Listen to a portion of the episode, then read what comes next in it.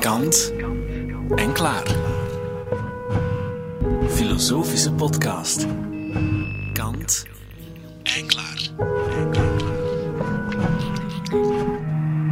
Met Greet van Tienen. Welkom in deze filosofische denkmachine, die aangedreven wordt door de vier grondvragen van de filosofie die Immanuel Kant zo'n 250 jaar geleden voor ons uittekende. Ze gaan over zowat alles waar we over kunnen nadenken. Wat kan ik weten? Wat moet ik doen? Wat kan ik hopen? En dan die grote vraag waar ook de vorige drie al naar verwijzen: wat is de mens? Voor filosoof Tineke Beekman is die ethische vraag naar het juiste handelen een soort leidraad doorheen haar denken en het dagelijkse leven. De vier vragen zijn inderdaad alle vier wel, wel boeiend, maar dat is de vraag waar ik zelf het meest mee bezig ben. En hoe moet ik handelen? En uh, als student was ik wel geïntrigeerd door Kants visie daarop. Dus de, de idee van de categorische imperatief, de, Kantiaans, de Kantiaanse moraal. Maar ik ben eigenlijk gaandeweg daar steeds meer van afgeweken. En steeds meer ontdekt dat, dat die vraag voor mij niet een, uh, dat ik daar niet op kan antwoorden door één abstracte wet of één principe voorop te stellen, maar dat het echt gaat over honderden beslissingen in het dagelijks leven, klein en groot. Um, en dat, die ook, ja, dat, dat, dat je ook botst op vragen over jezelf daarin. En dat ethiek voor mij, en dat is duidelijk ook wel een soort spinozistische invloed, ook wel de vraag is van hoe ga je om met je eigen verlangens, hoe, hoe kijk je ook kritisch naar jezelf en hoe leer je bij over jezelf. En dan wordt ethiek ook, ook een vraag van persoonlijkheid en karaktervorming en onderweg zijn, meer dan van welke uh, principes moet je trachten te implementeren. En daarin speelt dan die ratio wel een bepaalde rol, maar niet de hoofdrol. En, en die, ja, die ontdekking was voor mij wel belangrijk. Mm -hmm. Nu, als we naar deze tijd kijken, een, een tijd van crisis en van heel veel vragen, van geweldig veel onzekerheid, nog veel meer dan het gewoon al is in het dagelijkse leven. Kunnen we daar verder geraken met die vraag: wat moet ik doen? Een crisistijd is, uh, stelt heel veel veronderstellingen die dat we vanzelfsprekend vonden helemaal op de helling. Het feit dat we niet zo veilig zijn als we dachten, het feit dat we niet zo goed dingen kunnen voorspellen als we dachten, um, dat we die hele wereld rondom ons veel minder onder controle hebben dan we dachten. Maar ik vind dat eigenlijk juist boeiend, want volgens mij um, is dit veel realistischer, namelijk dat we de dingen helemaal niet controleren, dat het leven onverwacht is, dat het leven altijd verandering is, dat er uh, tegenslagen zijn en sommige tegenslagen kom je makkelijker te boven dan andere. Zeker dingen zoals ziekte, dood, lijden en zo. Ik wil dat helemaal niet minimaliseren, het belang daarvan. Maar langs de andere kant stellen die, die, die tegenslagen voor mij en die, die uh, veranderlijkheid, ik zie daar ook iets heel positiefs in. Ik zie daar ook een, een kans in om, om de dingen anders aan te pakken. Maar dan moet je dat ook kunnen. Ja, en het is daarom ook dat ik het zo moeilijk vind om daarover te praten, omdat het uh, heel oninteressant is om te doen over jezelf, dat je alles dan wel toch op een rijtje hebt, terwijl dat helemaal niet zo is. De vraag naar wat we moeten doen beantwoorden we sowieso elke dag in vele verschillende beslissingen, zegt Tineke Beekman. Het gaat haar om die ethische praktijk, dat onderweg zijn, eerder dan om een groot moreel principe buiten ons. Maar natuurlijk de soort van leegte van ik kan doen wat ik wil en ik kom er helemaal mee weg en wie zit nog in een positie om mij terecht te wijzen, dat is dat, er is ook echt wel een leegte. Mm Dus de, de vraag naar de deugd of het ethische handelen als een praktijk is denk ik ook in dat opzicht wel heel erg actueel, want er is een hele traditie en er zijn veel tradities, niet alleen de westerse, ook, ook andere tradities, met heel veel ervaringen die heel boeiend en heel verrijkend zijn. En dat is ook precies iets uh, wat ik heel erg heb ontdekt, dat is ook de rol van verhalen, levensverhalen, voorbeelden, fabels, romans, eigenlijk op allerlei niveaus, menselijke ervaringen, um, over hoe mensen worstelen, hoe mensen bijleren. En dan kom je uiteindelijk wel uit bij een aantal principes die, die denk ik wel voor iedereen geldend zijn, maar die in de praktijk op een heel andere manier worden toegepast. Wat ik je hoor zeggen is dat we moeten heel goed bewust zijn van de menselijke conditie, wat die inhoudt, om van daaruit te vertrekken om iets te kunnen doen. Klopt Ja. dat? Ja, een soort realisme. Hè? Een soort van, eh, en in, in dat realisme zitten geweldige kansen en zitten geweldige opportuniteiten, maar zitten ook geweldige beperkingen. En ik denk dat de mens vandaag de dag, eh, enfin, het is opnieuw moeilijk om te veralgemenen, maar toch, het leren omgaan met beperkingen, eh, daar kan ook een kracht in zitten. Het, het is geen nederlaag van beperkt te zijn. En ik denk dat eh, zo de hele consumentencultuur en het individualisme en het de, de idee dat eh, zonder grenzen zijn, zonder beperkingen zijn, Dat dat vrijheid dat is. dat, vrij, dat dat de vrijheid is, dat dat verworven is, dat dat ook eh, iets is waar je recht op hebt. En ik denk dat dat niet het geval is. Ik denk dat er op allerlei manieren betekent de menselijke conditie leren omgaan met beperkingen en die ook omarmen en daarin een soort kracht vinden en beseffen dat een beperking helemaal geen nederlaag is. Word je sterker van het besef van zwakheid, van zwakheden? Ik spreek liever over kwetsbaarheid dan over zwakheid. Want ik Zwakheid is negatief, hè? Ja, Het, Ja. is, het is eigenlijk ook een soort moreel, eh, of het kan ook gezien worden als een, een soort moreel oordeel. En ehm, terwijl de, de kwetsbaarheid van uw eigen conditie, uw afhankelijkheid van anderen, uw afhankelijkheid van zorg, van een, zorgsysteem dat werkt, van een onderwijssysteem dat werkt, van een overheid die werkt. Hè. Dat zijn allemaal afhankelijkheden waar dat we ons nu eh, plots veel meer van ehm, bewust zijn. Ik denk dat inzicht in die kwetsbaarheid, kwetsbaar ook dat het goed, dat je gelukkig bent als het goed gaat met de mensen rondom jou, van wie je houdt en zo. Dus ehm, ik denk dat die erkenning daarvan en de aanvaarding daarvan ehm, ja, ook wel een soort kracht is, ja. Maar kwetsbaarheid is een term, ik had eens ehm, in een eh, interview gezegd dat ik mij kwetsbaar voelde. En ik heb toen echt reacties gekregen van... eh, allee, mensen houden, sommige mensen houden niet van die term. hè. Het is, eh, Je kreeg, of kreeg je medelijden ook?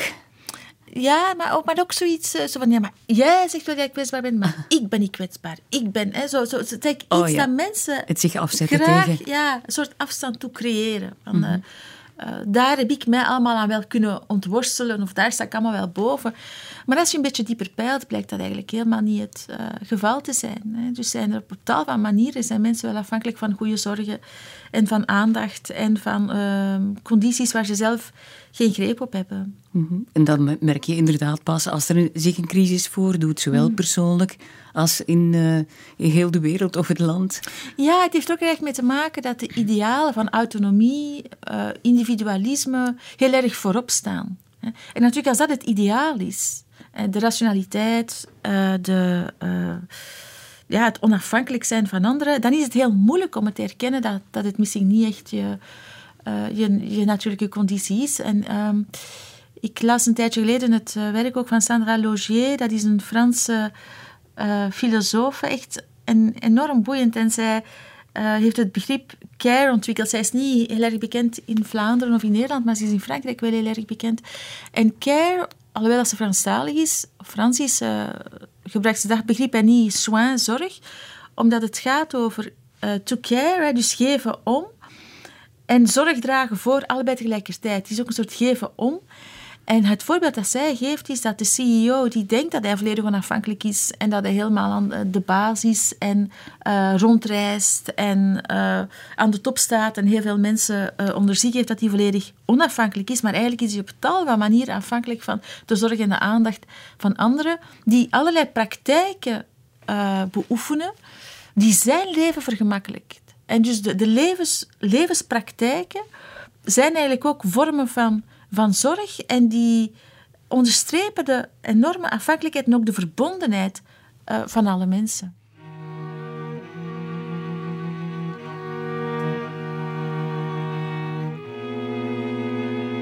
Al die vormen van autonomie die we hebben, ook in economische, maar ook in, in, in juridische zin, zijn heel erg belangrijk. Dus het is ook geen pleidooi tegen de autonomie op zich, maar het, gaat er wel om dat autonoom zijn of niet, niet de enige morele vraag is. Dat is het. Dus het is niet gericht tegen de autonomie of tegen de vrijheid, maar wel dat moreel handelen, wat moet ik doen, ook te maken heeft met een, een, een ervaring van die kwetsbaarheid. Want het, is, het gaat precies over die zorg En overal die dingen die je doet, die het leven van anderen mogelijk maken, ook binnen het gezin. En dan wel de vaststelling, dat is de vaststelling van Sandra Loger, maar ik, denk dat die wel duidelijk is, dat, dat eigenlijk vrouwen daar veel, uh, veel vaker voorin staan. En, um, en zij verwijst ook naar een, een boek van uh, Carol Gilligan, In a Different Voice. Dat is een boek van de jaren tachtig. En dat is een soort van, op moreel vlak, uh, een soort baanbrekend werk. Omdat Carol Gilligan, die eigenlijk een psycholoog is, heeft onderzocht wat mensen beschouwen als moreel handelen. En ze heeft jongens en meisjes ehm, bepaalde vragen voorgelegd. En ze heeft gemerkt dat al vanaf de jaren 50 de, de idee is dat als je kan je morele handelen beschrijven op een abstracte manier, een beetje volgens, volgens de, de, de Kantiaanse wetten, de categorisch imperatief, namelijk mijn gedrag is moreel hoogstaand als het kan universeelbaar zijn, als het een goede zaak is als iedereen het zou doen. Dat werd heel erg moreel beschouwd als het, soort van maximum. En heel veel jongens zeiden dat. Dus als er een dilemma was, formuleerde hun morele ideaal op die manier. Terwijl heel veel meisjes veel meer de nadruk legden op zorg en verbondenheid. En Gilligan merkt op dat bij psychologen zoals Kohlberg en anderen vanaf de jaren 50, dat het, het antwoord van de meisjes, dus dat eigenlijk ging over zorg, veel lager werd geschat dan dat van mannen. Eigenlijk alsof dat ze nog niet helemaal ontwikkeld waren. Ze hadden het hoogste morele niveau nog niet helemaal bereikt, want ze waren niet in staat om dat dilemma op een, op een soort universalistische manier uh, te vertalen. En het punt van Carol, Carol Gilligan en ook van Sandra Loger is, misschien is dat gewoon niet de enige moraal. Het gaat er maar niet over dat het een beter is dan het andere, maar er moet ook aandacht zijn voor het feit dat je je morele handelen wilt definiëren als, een, als het zoeken naar die zorg en naar die verbondenheid. Mhm. En dat wordt veel te weinig erkend. En dan Loger verbindt het ook aan de sociaal-economische positie van vrouwen. Dus ik dat heel veel zorgpraktijk in het huis en ook uh, buitenshuis door vrouwen wordt gedaan en toch altijd een beetje als minder belangrijk wordt beschouwd qua prestige, qua vergoeding. Terwijl in de realiteit, en dat is iets wat een crisis eigenlijk toont, als het er echt op aankomt, dan zijn die verzorgende praktijken en die levensbevorderende praktijken, ja, dan zijn die eigenlijk uh, cruciaal. In deze crisis zien we morele idealen naar boven komen die in andere omstandigheden grotendeels onderbelicht blijven. Die van de zorg voor elkaar en van het besef van de verbondenheid met de ander, met de zwakkere, met de zorgsector. Het is alsof we nu pas kunnen zien wat er altijd al in het leven verweven is. Het besef van menselijke kwetsbaarheid, dat leidt tot zorgzaam handelen. Die idee vertrekt eerder vanuit de ervaring dan vanuit een morele wet of een voorschrift. Als je denkt aan die morele wetten of voorschriften, dan lijkt het wel alsof wij emotieloze wezens zijn die iets rationeel kunnen bedenken, daarnaar handelen en voilà, het is opgelost. Maar natuurlijk, het is veel ingewikkelder en complexer en donkerder dan dat wij zo kunnen bedenken. Hè? Ja, en daar is er ook een, uh, denk ik, een pluraliteit. Want ik ken wel mensen die... Uh, dus je hebt uh, Immanuel Kant en dan...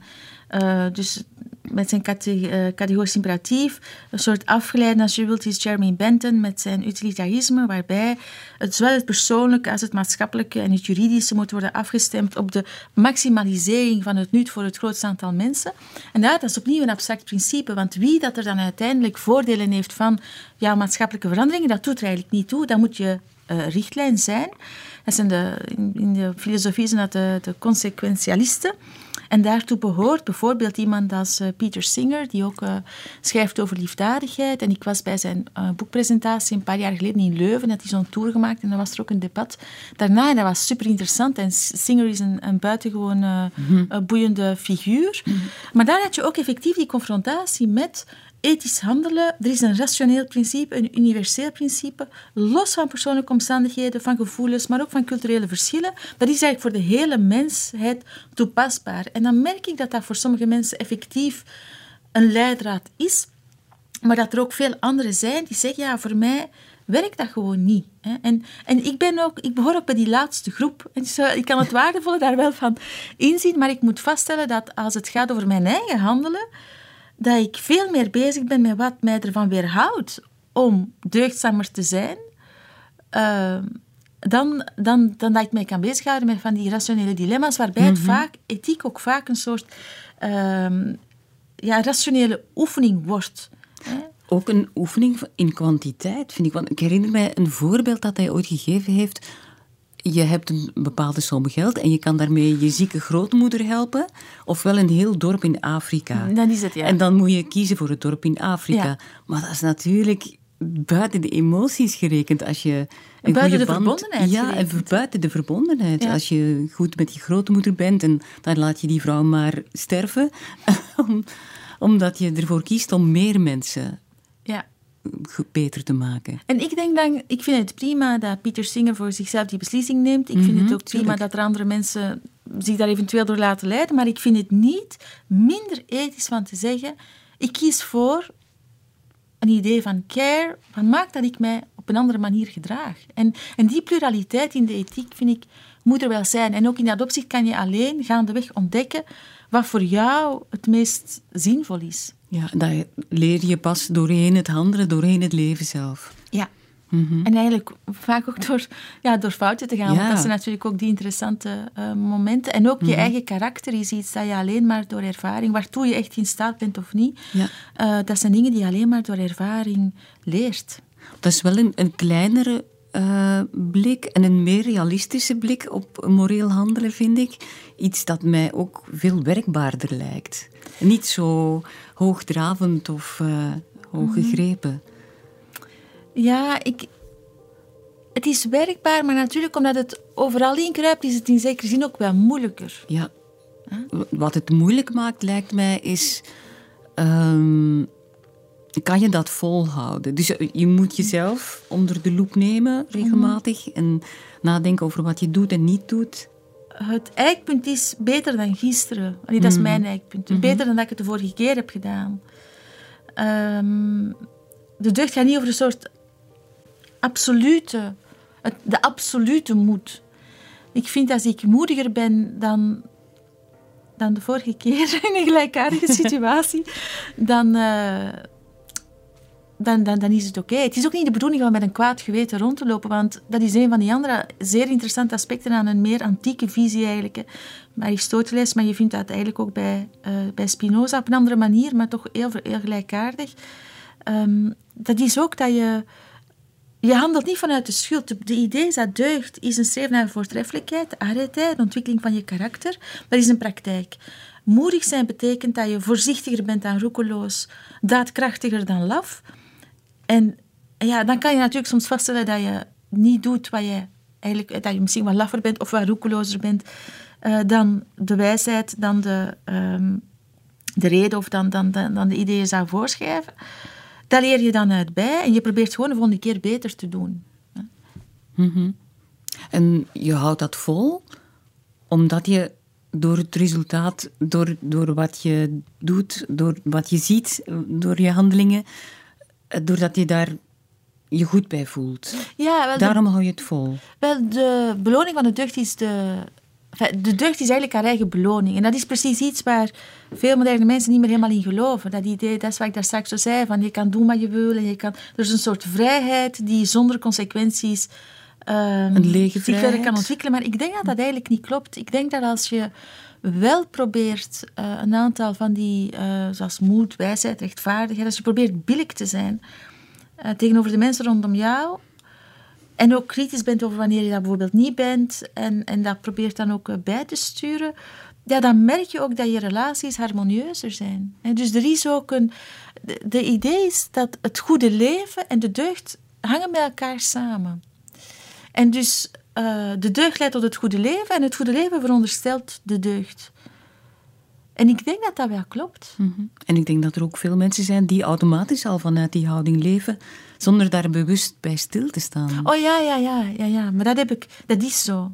Ik, was- ik ben helemaal bezig geweest en ik heb allerlei dingen kunnen doen, ook voor mezelf, ook in mijn eigen leven, beslissingen kunnen nemen en zo, die enorm vergemakkelijkt zijn door mijn ontmoeting met Spinoza, dan als filosoof. Maar ik heb ook al eh, eh, in een andere context eh, een, iemand uh, in een soort politieke groep ook zat ook een, een arbeider en ik vond die enorm spinozistisch.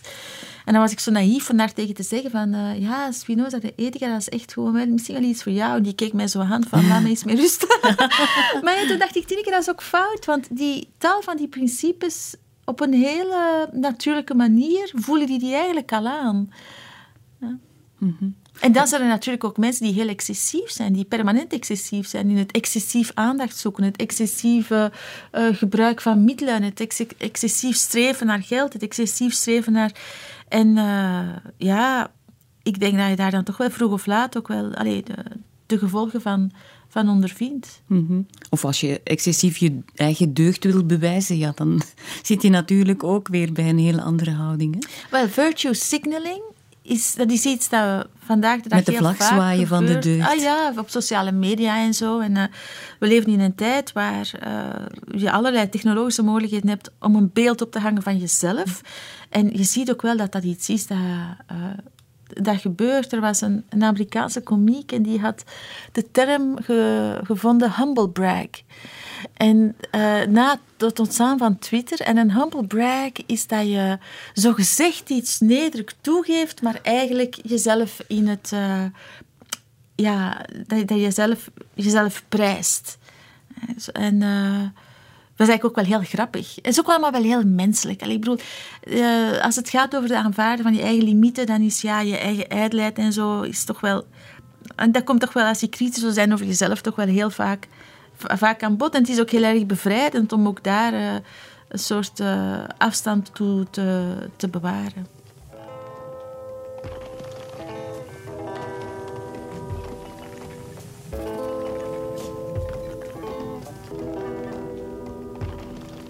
Je had het daar straks ook over verbondenheid. Mm -hmm. Het bewustzijn dat we alleen maar in verbondenheid kunnen leven. Niet in onze eigen huls zitten en niks nodig hebben van een ander en alleen nadenken en daarnaar handelen. Natuurlijk, je, je voelt je verbonden met je vrienden, met je familie, dat is redelijk evident. Moeten we ons ook best proberen verbonden te voelen met alle levende wezens? Kan dat zich zo erg mm. uitbreiden? Of zou dat zich zo erg moeten uitbreiden? Wel, ik denk wat die crisis leert, is precies de enorme verbondenheid die er is tussen mens en natuur. En dat als je um, binnentreedt in de habitat van dieren die eigenlijk bedoeld zijn om wild te zijn. Enfin, bedoeld klinkt zo haaks aan op... Of, ik zal het anders zeggen. Als je treedt in de habitat van dieren die eigenlijk wild zijn en u niet bewust bent van het verschil tussen het menselijke leven en precies dat wilde leven, ja, dan ga je daar, op ga je daar gevolgen van dragen. En dat is iets wat mensen voortdurend doen zich veel meer toe-eigenen dan voor henzelf goed is. En hun fundamentele verbondenheid met de natuur gewoon miskennen. En dat is iets dat meer en meer duidelijk wordt. Dat stilte, dat wil zeggen de natuurlijke toestand niet doorbroken door allerlei machines en allerlei uh, dingen die wij zelf hebben gecreëerd. Dat, dat, is, dat, is, dat is een weldaad voor de mens. Uh, propere lucht, dat krijgt meer en meer aandacht. Gelukkig maar, want jaarlijks sterven daar duizenden mensen aan. Aan, die, uh, ja, aan, aan het niet beseffen hoe verbonden dat je bent met de natuur. Om dan nog maar te zwijgen van de, de vernielingen van, van, van bossen en allerlei andere gronden en moerassen. En uh, vernieling van, van het leven op zee. En, en dus ik, ik denk dat het hoog tijd wordt om die verbondenheid en dus ook die zorg, die care, in de zin van geven om en zorgen voor, um, ik denk dat er een enorme behoefte bestaat om die uit te breiden naar de niet alleen private bubbel. Mm -hmm. Er is een soort fundamentele zorg ook voor jezelf. En dan die kring van solidariteit, kan je mm -hmm. dat mhm. zo noemen? Breder maken? Ja, en toch ook een het bewustzijn van die verbondenheid betekent ook dat je je verantwoordelijkheid neemt daarover. En, uh, maar het heeft niks te maken met een soort schuldgevoel. Want er is een enorm verschil tussen zich schuldig voelen ja, ja. en verantwoordelijkheid. dat gaat wel dikwijls samen. Ja, maar schuld, schuld, schuld wordt eigenlijk helemaal niet motiverend. Hm. Dus uh, ook niet wanneer het gaat over ecologische of andere kwesties. Als je je schuldig voelt of schaamte, uh, dat werkt heel erg verlammend. Terwijl die verbondenheid, daar zit ook een, een erkenning in van, van je eigen beperking, maar ook van de schoonheid en zo. Dus je hebt allerlei andere dingen die ook wel stimulerend kunnen zijn en waarbij je kan zeggen van ja, dat ga ik gewoon niet meer doen. Oké, ik ga nooit uh, koraalriffen zien op zee of zo, maar dat is eigenlijk ook prima. Misschien moet ik daar ook niet Allee, dus er zijn een aantal beperkingen die je liefdevol, die, die, die voortvloeien uit een soort liefdevol omarming van datgene waarnaar je streeft en niet zozeer uit schuld.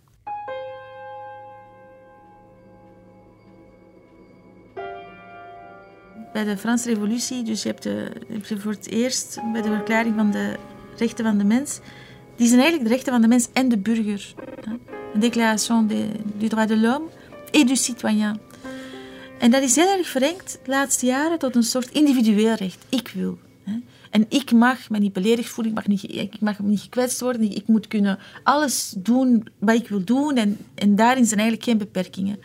Maar en, dat individuele recht en de bescherming van die individuele rechten zijn fundamenteel. Dat wil zeggen dat je kan niet zomaar gearresteerd worden. Niemand, kan zomaar, niemand heeft een recht op macht over jou als individu. Maar er is natuurlijk ook zoiets als burgerschap. Dat wil zeggen dat je samen met anderen die gemeenschap maakt en dat je soms vanuit dat burgerschap nee moet kunnen zeggen tegen je eigen individueel verlangen. En dat is natuurlijk een beetje de spanning. Want in het ene geval, als dat individualisme doorschiet, dan zit je in een soort um, ja, jungle van potentieel alle tegen alle, waar je geen politieke gemeenschap meer hebt. Als dat idee van burgerschap te veel doorschiet, en dat is te veel doorgeschoten onder Robespierre en anderen, dan zit je in een soort terreur waar dat, eh, je geen enkele individuele vrijheid meer hebt, waar dat het volk, de groep gaat bepalen wat je mag doen. Dus dat is natuurlijk dat delicate evenwicht tussen die twee. En je hebt eigenlijk beide nodig en er is een zekere spanning tussen die twee. Maar ik denk dat we wel, uh, voor mij heeft die crisis wel heel erg geleerd dat je hebt echt dat burgerschap nodig om vrij te kunnen zijn. Dat is geen beperking, dat is misschien wel een beperking van je individuele uh, mogelijkheid om te doen wat jij nu wil doen. Maar het is uiteindelijk ook wel wat het leven koers samen op een vreedzame manier mogelijk maakt. Het vergroot je vrijheid als mens. Niet als individu. Niet als individu. ja. ja. En je, je leeft altijd in een polis, in een politieke gemeenschap. Dus dat je echt zou willen jezelf buiten de, samenleving plaatsen. Dus ben je nu eenmaal, leef je in die fundamentele verbondenheid. En ook dat, is, dat betekent dat de volledige autonomie, dat eigenlijk een illusie is. Want jij bent ook alleen maar vrij als je leeft in een structuur die ook jou die vrijheid gunt en toelaat. En daarover heb jij ook een verantwoordelijkheid als burger. Van de Franse Revolutie naar burgerschap in onze tijd, of van denkers Spinoza en Machiavelli naar de huidige crisis. Het is maar een kleine stap voor Tineke Beekman. Beide denkers inspireren haar. Zo kan strateeg en filosoof Niccolo Machiavelli ons ook hier op weg zetten om na te denken over wat ethisch handelen is. Hij heeft een, een heel boeiend idee van deugd, virtu, dat nogal complex um, maar waarin dat die moed, die, die, die daadkracht, maar ook het anticiperen echt centraal staan. Altijd bijleren, altijd kijken, altijd proberen te, in te schatten wat mogelijk is en wat niet. En, uh, en ik vind dat ook enorm, um, en, en, enorm fascinerend. En hij koppelt het ook aan het begrip uh, fortuna, het lot, het altijd veranderende lot. En ook daarom is hij zo'n zo'n actuele denker, omdat wat bij hem in de renaissance zo duidelijk was, dat je nooit heel lang in de toekomst kan kijken, omdat alles voortdurend verandert. Dat is eigenlijk een beetje de situatie waarin dat wij ons vandaag de dag bevinden. En zijn idee is dat hoe deugdzamer je bent, dat wil zeggen, hoe beter je je dingen inschat, je eigen beperkingen kent, maar ook je eigen kracht. Hoe beter dat je uh, weet wat je wilt, maar ook een idee hebt van gemeenschappelijke deugd, van burgerschap, van vrijheid, van wetten, van verhalen die mensen met elkaar verbinden en zo. Ook dat hoort allemaal bij die deugd. Um, hoe beter dat je dat doet, hoe minder fortuna greep op je heeft. Dus dat wil zeggen, er zijn wel veranderingen van het lot, maar die, je zal die veranderingen je zal je daar sneller aan kunnen aanpassen. Terwijl als je die deugd helemaal veronachtzaamt, dan zal je vaststellen dat Fortuna het precies voortdurend op jou gemunt heeft en voortdurend dingen naar je toe werpt uh, die, je helemaal, uh, die je helemaal niet aan kan. Hè. Dus het leven van Machiavelli is voortdurend lastig. Je kan nooit op je, je lauren rusten, zeker niet als het goed gaat. En de zelfgenoegzaamheid is heel gevaarlijk. Dus eigenlijk succes hebben is voor hem heel gevaarlijk. Want dan herinneren mensen zich niet meer wat ze allemaal hebben moeten doen om dat succes te hebben of aan welke omstandigheden dat ze danken. En dan worden ze heel overmoedig en dan gaat het heel snel bergaf. Voor Machiavelli reis je doorheen het leven en je, en je gaat daarmee om met wat er gebeurt, mhm. maar je wordt er niet door overweldigd. Nee. nee. En dat is ook bij hem een kwestie van soort opvoeding en ook ja, geestesgesteldheid die je altijd houdt. Nooit te diep in de putten zitten als het slecht gaat, maar ook nooit met je hoofd in de wolken te lopen. Hij zegt dat letterlijk in de discussie als het goed gaat. En op die manier bescherm je je eigenlijk. Want je weet, als het goed gaat, oké, ja, ik heb wel bepaalde talenten, maar ik heb ook gewoon heel veel geluk gehad. Fortuna zat mee. En dus dat relativeert een beetje uh, je eigen neiging tot, uh, uh, tot, tot hoogmoed. Maar ook als je heel diep in de put zit, het is ook niet allemaal je eigen doen. Soms slaat fortuna toe, maar ook het tij kan weer keren. Dus, ehm, dus je mag ook niet te negatief staan tegenover je eigen capaciteiten. En dus toch nog blijven geloven in je, je kracht om iets aan je leven te veranderen.